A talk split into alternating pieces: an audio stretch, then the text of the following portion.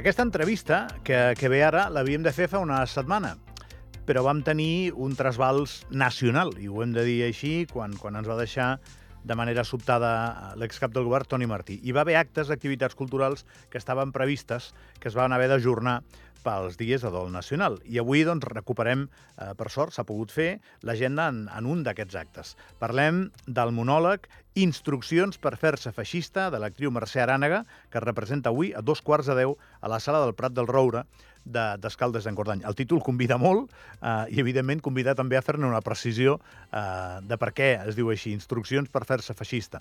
Mercè, bon dia. Hola, bon dia. Què, bon dia. què tal?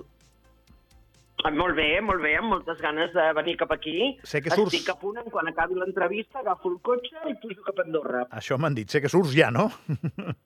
Sí, bueno, a la que acabi amb tu, pujo. Bé, és, és un monòleg el que avui representa sobre l'auge del feixisme a Europa i al món. Sí, bé, aviam, sobre l'auge del feixisme no. És, uh, és la transformació d'una persona demòcrata en feixista. I, per tant, he d'explicar el per què i els beneficis del feixisme. Eh? És a dir, és com si fos jo, mm, no és un personatge irreal, perquè és, això és com una stand-up comedy, saps? Sí. Jo em dirigeixo a la gent, parlo a la gent, com, com Mercè Arànega. El que passa que, evidentment, jo no sóc fatxa, eh? Això que quedi, que quedi per endavant. Però, uh, clar, uh, jo explico el perquè de la meva transformació i quines són les bondats i les virtuts del feixisme.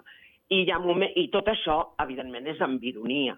Hi ha coses que són més subtils i n'hi ha que són pel broc gros, però d'una manera molt bèstia. Això és un text de la Miquela Múrgia, d'acord? Que és un llibre que està editat, que es diu així, Instruccions per fer-se feixista. Ella és una activista, periodista, sarda, italiana, que malauradament ens va deixar aquest estiu, amb 51 anys, i això és un llibre, és una conferència.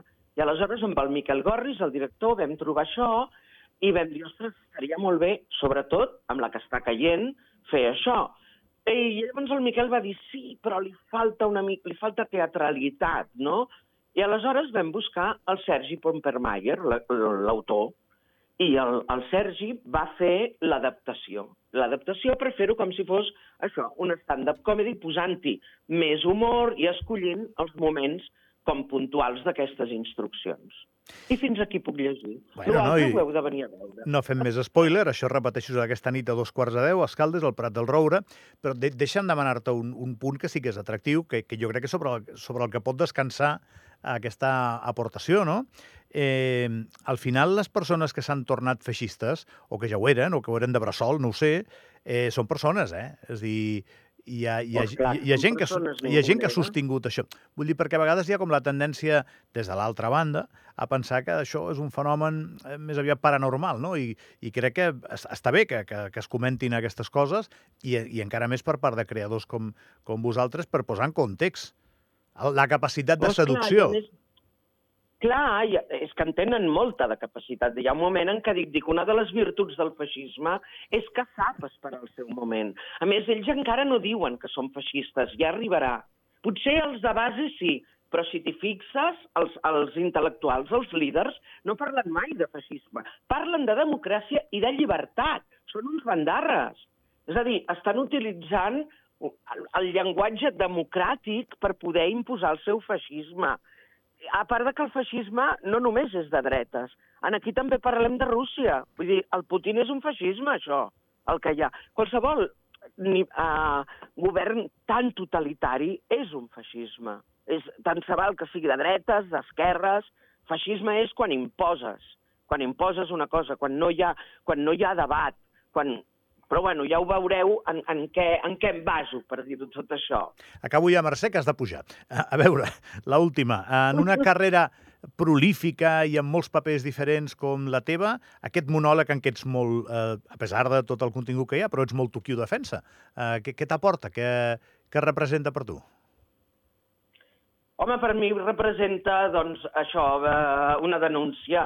A, a part de que m'ho passo bé i la gent s'ho passa bé, perquè té un punt d'humor bastant, bastant gran, eh, doncs això, fer la denúncia de la que ens està caient i que vigilem, que vigilem perquè moltes vegades tenim, sense adonar-nos-en, comportaments una mica feixistes.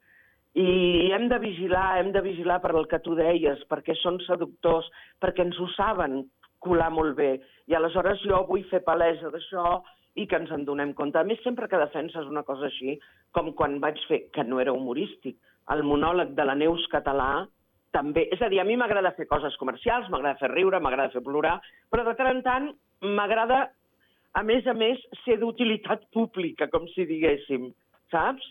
I aleshores tant el de la Neus català com aquest són dos monòlegs que penso que, a part de la seva teatralitat, tenen una altra funció, una funció una mica més enllà.